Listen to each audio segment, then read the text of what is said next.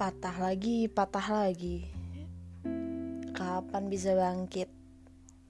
Pernah gak sih kalian kayak ngerasa baru juga kemarin patah? Ngerasain bisa dikit aja untuk senyum, udah dibuat patah lagi sama keadaan. Kayak terus-terusan aja gitu dibuat patah. Sampai bingung gimana caranya untuk bangkit. Kadang itu kita suka mikir kalau misalkan habis patah bakal ada pelangi nih. Bakal ada hari yang bahagia untuk kita di kemudian hari. Tapi nyatanya udah patah berikutnya patah lagi. Terus sebenarnya apa sih yang salah? Apa kita yang terlalu salah karena mengharapkan keadaan bahagia hadir? Tapi itu fair-fair aja kok. Lagian siapa sih manusia yang mau terus-terusan ngerasain patah. Tapi kalau misalkan terus-terusan ngarepin patah, kok ujung-ujungnya nyiksa ya? Karena ya ujung-ujungnya gak nemuin kebahagiaannya. Tetap aja tuh ngerasain patah terus. Kayak udah capek aja dimainin sama keadaan. Ngerasain itu mulu, itu mulu. Capek jadinya patah karena pekerjaan, cinta-cintaan, keluarga. Kayak udah bosen aja gitu ngerasain patah. Terus nungguin deh kapan ngerasain bahagia. Padahal kita pengen sekali-sekali ngerasain bangkit dari rasa patah. Tapi ternyata benar Bangkit dari patah itu gak semudah apa yang kita pikirkan. Gak segampang apa yang kita bayangin. Ternyata untuk ngerasain bangkit Kita butuh energi yang kuat. Energi kita terkuras habis dulu. Entah nangis, entah marah, entah kecewa, entah kesel. Pokoknya terkuras habis dulu deh. Karena ya susah gitu kalau misalkan kita nggak ngerasain sakit-sakit dulu tiba-tiba maunya bahagia terus. Karena yang pasti kita tahu hidup itu isinya bukan tentang bahagia doang. Tapi kita nggak mau tahu pokoknya hidup kita harus bahagia. Itu sih yang suka aneh. Ya namanya juga manusia.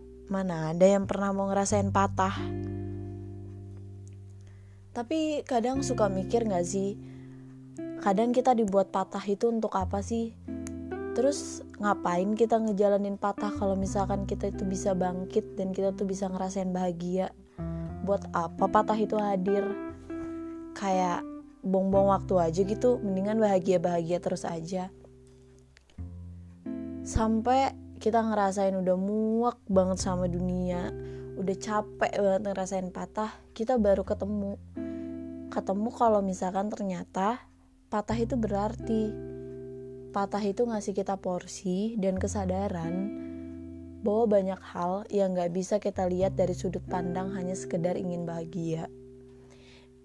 Hanya sekedar ingin ngerasain seneng terus tanpa ngerasain patah. Atau sekedar hanya pengen hidup itu berjalan mulus. Ya mulus. Kayak apa yang kita mau gitu. Kayak seakan-akan gak ada apa-apa Padahal ya nggak bisa kayak gitu. Kadang itu ketika kita patah, kita menemukan banyak hal yang sebenarnya nggak pernah kita jumpain sebelumnya. Banyak pelajaran, banyak hal positif yang bisa kita ambil dari rasa patah. Kadang itu rasa patah itu bisa jadi motivasi besar untuk seseorang menjadi lebih besar lagi. Dan kadang rasa patah itu yang ngebuat kita suka mikir, ini baik atau enggak untuk kita melangkah ke depannya. Karena yang pasti gak mungkin rasa sakit gak ada nilai positifnya untuk kita. Pasti ada. Entah gimana caranya kita untuk belajar menerima, bersyukur,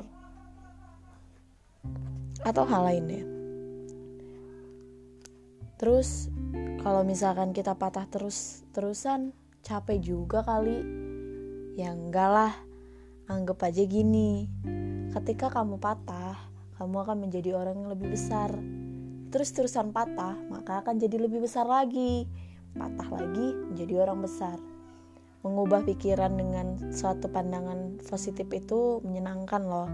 Karena kadang kita butuh berpikir tentang hal yang negatifnya dulu baru positif. Di mana kalau misalkan kita sadar bahwa di hidup ini bukan tentang hal yang baik-baik aja, yang senang-senang aja, ya pokoknya yang mulus-mulus aja, Gak ada namanya di kehidupan yang seperti itu. Nah, mulai dari situ kita sadar kalau misalkan kita patah, berarti memang inilah hidup.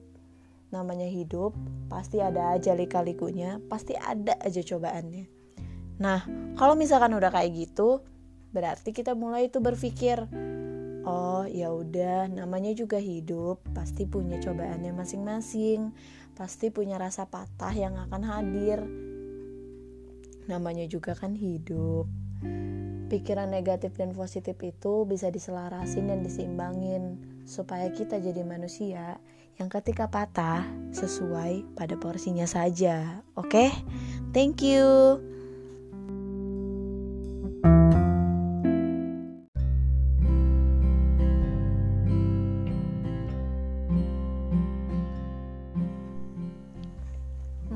soal patah Mungkin kita semua pernah ngerasain apa itu patah. Mungkin juga salah satu pendengar dari ruang kita ada yang pernah ngerasain patah seperti ini. Ngerasain patah di mana nggak habis pikir aja. Udah sedewasa ini, tapi harus ngerasain patah di dalam rumah. Keadaan patah yang kadang bikin nggak terima gitu sama keadaan. Ngapain coba ngasih cobaan? Di saat semuanya itu bisa baik-baik aja. Ngapain ngasih patah? Di saat bahagia itu bisa aja ada terus-terusan.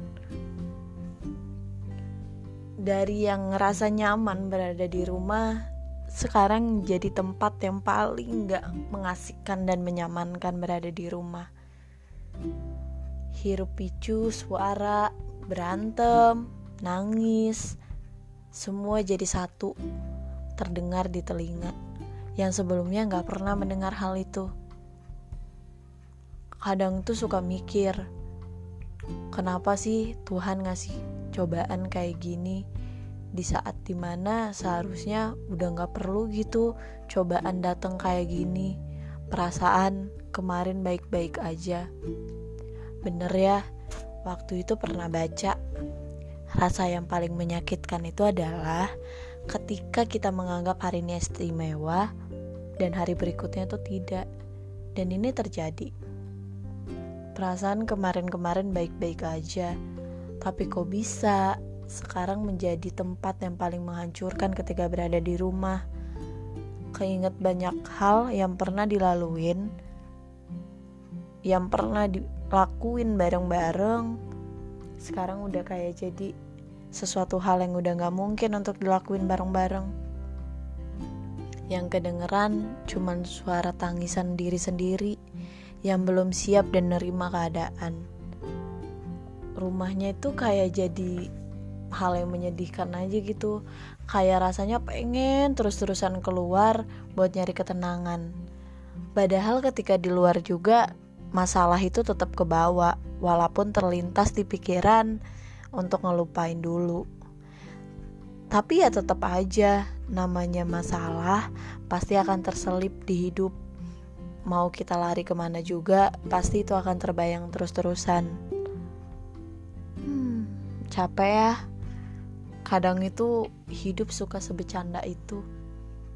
Kadang itu hidup suka kayak aneh dan lucu apalagi buat orang-orang yang gak pernah bisa nerima keadaan.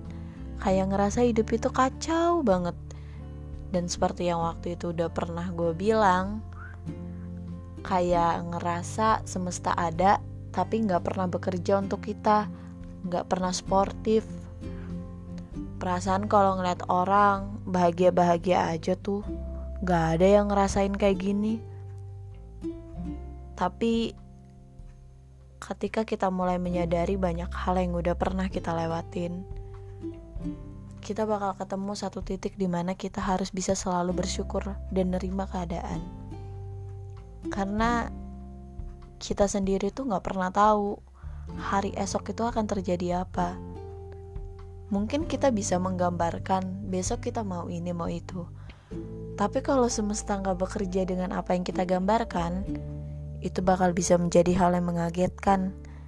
Entah mengagetkan dalam hal bahagia, entah mengagetkan dalam hal yang sedih. Yang pasti bakal menjadi kabar yang mengagetkan. Karena kita nggak bisa nentuin besok bakal gimana tentang semesta. Capek banget ngejalanin hari-hari yang pelik.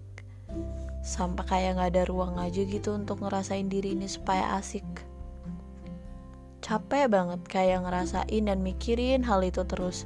Berharap ya Tuhan balikin keadaan ya Tuhan. Padahal kalau misalkan udah terjadi tinggal gimana aja diri kita menerima dan menyikapinya. Cuman kembali lagi namanya menerima keadaan gak bisa dengan semudah itu. Gak bisa ketika terjadi kita terima dengan ya udah terima aja ikhlas. Gak bisa pasti ada juga tuh sedihnya, kecewanya, keselnya. Kadang tuh gini ya, kita tuh suka banget ngerasa kenapa sih kehidupan orang lain itu lebih indah daripada kehidupan kita. Kenapa sih kok orang lain itu nggak ngerasain apa yang kita rasain dan kenapa sih kayaknya kok cobaan yang datang itu ke kita terus Padahal kalau misalkan kita suka mikir kayak gitu, itu nggak akan ngebuat diri kita bisa introspeksi dan evaluasi sama diri kita sendiri. Nggak pernah bisa mikir gitu bahwa banyak juga kok hal baiknya yang hadir. Kita tuh suka lebih bisa berpikir negatif dibanding positif, apalagi kalau lagi tertimpa masalah atau patah. Kalau misalkan aja rasa patah itu bisa diganti dengan rasa hal lainnya pasti setiap manusia pengen gak ngerasain apa itu patah. Tapi ya namanya juga hidup kalau nggak mau ngerasain patah ya nggak bisa. Nikmati aja jalanin. Tapi jangan terlalu berlarut-larut. Aku tahu kok keadaan di rumah itu gak memungkinkan kalian untuk selalu ngerasain bahagia. Karena keadaan rumah kalian udah kacau gak seindah kemarin-kemarin sebelumnya. Tapi ya mau digimanain lagi. Kalau bukan dari diri kita yang menerima ya gak akan bisa. Syukurin aja. Lagi pula kita kan gak pernah tahu. Mungkin aja berikutnya semesta yang bekerja untuk kita. Jadi kita harus tetap semangat ngejalaninnya selalu ambil aja titik poin yang positif yang terjadi dan percaya kalau semesta juga bisa juga bergantian bekerja untuk kita. Oke, terima kasih.